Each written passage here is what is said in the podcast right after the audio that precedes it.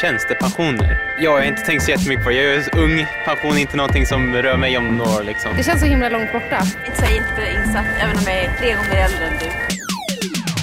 Det har vi inte lust att prata om nu. Tjänstepensionen är jätteviktig. Det här är Kalle och framtiden. Och den blir bara viktigare och viktigare. Jag sparar så pass mycket så att jag kan leva gött liksom. Det här är poddserien som dyker ner i pensionens värld. I sex avsnitt kommer jag, Kalle, tillsammans med dig lära mig allt som är värt att veta om pensioner. Och vi började från noll. Alltså, mina kunskaper om pensioner var inte särskilt höga överhuvudtaget. Jag skyller på att jag är 25. Men nu har jag insett att det faktiskt är bra att redan nu börja tänka på pensionen. Om jag ska kunna leva gott på gamla dagar. Jag vill få en bra pension när jag blir äldre. Ja, det är 40 år tills dess, men jag vill inte vakna upp en dag och inse att allt är för sent. Då kör vi! Hela vägen in i kaklet. I det här avsnittet kommer vi prata om jobb som blir allt vanligare. Traditionella anställningar, de är inte lika självklara som förut. Kanske beror det på att man vill vara sin egen chef. I'm the captain now.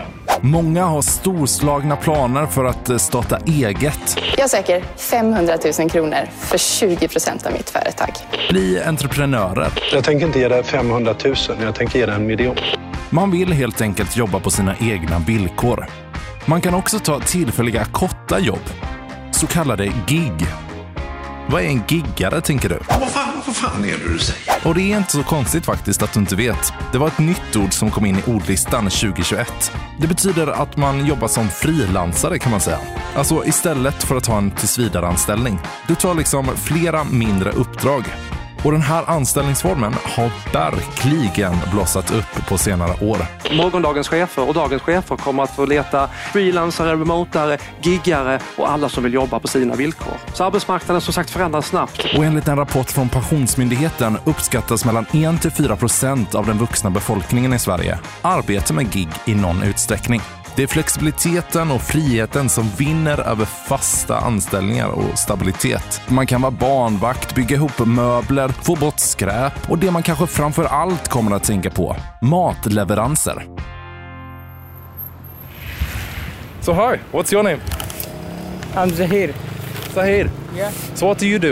Uh, I'm doing food delivery. Sahir till exempel kör matleveranser på moped och är också en form av giggare.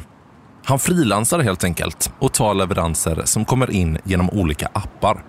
Men det finns också en baksida med den här typen av jobb. You are talking about the pension. Uh, no, no, there is no pension here. Although I am working with here business to business. Uh, I'm not employed here. Yeah. Ja, med den här typen av anställningar är det tyvärr många, liksom Sahir, som saknar tjänstepension. Du jobbar med matleveranser, eller hur? Yes, yes. Du, eh, hur ser det ut med din tjänstepension? Uh, uff, det är ingen aning. Inte intresserad. Kanske väldigt dumt. Jag har gjort dumma val i livet tidigare. Så jag har inte riktigt uh, haft, uh, vad ska man säga, orkat. Vissa har koll på det och andra inte. No, I don't have pension. Pensionsmyndighetens undersökning visar att giggare i lägre utsträckning sparar kontinuerligt till sin pension. I like pension. But uh, without permanent job it's not uh, easy to get pension. Giggarna och entreprenörernas pensioner handlar det alltså om. Hur mycket går man miste om om man inte har en tjänstepension? Och vad kan man göra åt det? Dags för att få lite svar på det här. I och med att du då inte har den här tjänstepensionen som de flesta anställda har. Det här är Agneta Claesson, pensionsexpert på Pensionsmyndigheten. Och det är lite grann där man får landa och jämföra med hur ser det ut för den stora antalet av yrkesarbetande i Sverige. Och de har den här tjänstepensionen. Och du riskerar ju helt klart att få en lägre pension om det missas att betalas in till den här delen. Alltså mittendelen av pyramiden. Och tjänstepensionen vet vi sedan tidigare är jätteviktig för din slutgiltiga pension. Man brukar prata om att eh, i alla fall runt en 25 procent lägre pension för någon som inte har haft eh, tjänstepension. Och vad det betyder i pengar, ja det handlar ju om vilken inkomst som vi låg på eftersom det är procent som avsätts på den allmänna pensionen och det är procent som avsätts på tjänstepensionen. Och det är klart att det är jätteviktiga pengar för dig när du en gång ska leva på de där pengarna. Med andra ord kan det handla om tusentals kronor mindre i pension varje månad om du alltså inte har en tjänstepension. Oh no, that sucks. Agneta berättar också att det finns tre olika typer av giggare. Som anställd rätt upp och ner under den här korta perioden av något företag. Du skulle kunna vara egenföretagare som utför ett kortare uppdrag eller att du då är det som kallas egenanställd. Och det sistnämnda, egenanställd, betyder att du anlitar ett egenanställningsföretag som hjälper dig att fakturera via dem. För att du själv inte vill in och krångla med skatter och sociala avgifter och sånt. Hur kul är det? Ja, ja, det är inte så kul. Och du kan ju ta ut hela den lönen som blir kvar när arbetsgivaravgifterna är betalda så här, för det sköter ju egenanställningsföretaget. Eller så kan du ibland via det här bolaget välja att ta ut en lägre lön och så sätter de in till en tjänstepension. Ja, men det är ju lysande. Då får man ju tjänstepension till slut. Så gött. Ja, riktigt så enkelt är det inte. För det är ju samtidigt dina egna pengar som betalar den här tjänstepensionen. Det är ju också så att om du tar ut en lägre lön, då minskar ju det beloppet som din allmänna pension baseras på. Så att om du får mindre i lön, då blir det också mindre insättning till bottendelen av pyramiden. Alltså den allmänna pensionen. Är man utanför en traditionell anställningsform, som giggare i någon form eller i de här egenanställningsföretagen eller du är egenföretagare, då har du ett större ansvar att tänka till kring hur funkar den där pyramiden? Hur får jag in några pengar? Ja, så viktigt alltså att man tar sig tiden att förstå pyramiden och hur man kan kompensera upp om man till exempel inte får in pengar till alla tre delarna. Även om jag är för att man ska ha en tjänstepension, att det är positivt, så tycker jag också att det här är en grupp som ska tänka till kring hur väljer jag att eh, kompensera för den här tjänstepensionen. Så Agneta menar att man kanske ska ta ut den högre lönen ifrån anställningsföretagen för att inte minska insättningen till den allmänna pensionen. Tja! Tjena, tjena, tjena! Hur är läget? Det är bara bra. Hur är det med dig? Det här är Josef. Han är 38 år och jobbar som taxichaufför i Stockholm på en av alla taxiappar. Du kan det här med radio ju. En så kallad giggare.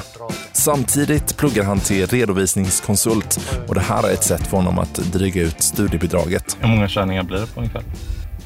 20-25 körningar snitt. På en kväll bara? Ja, på en kväll. Det är många.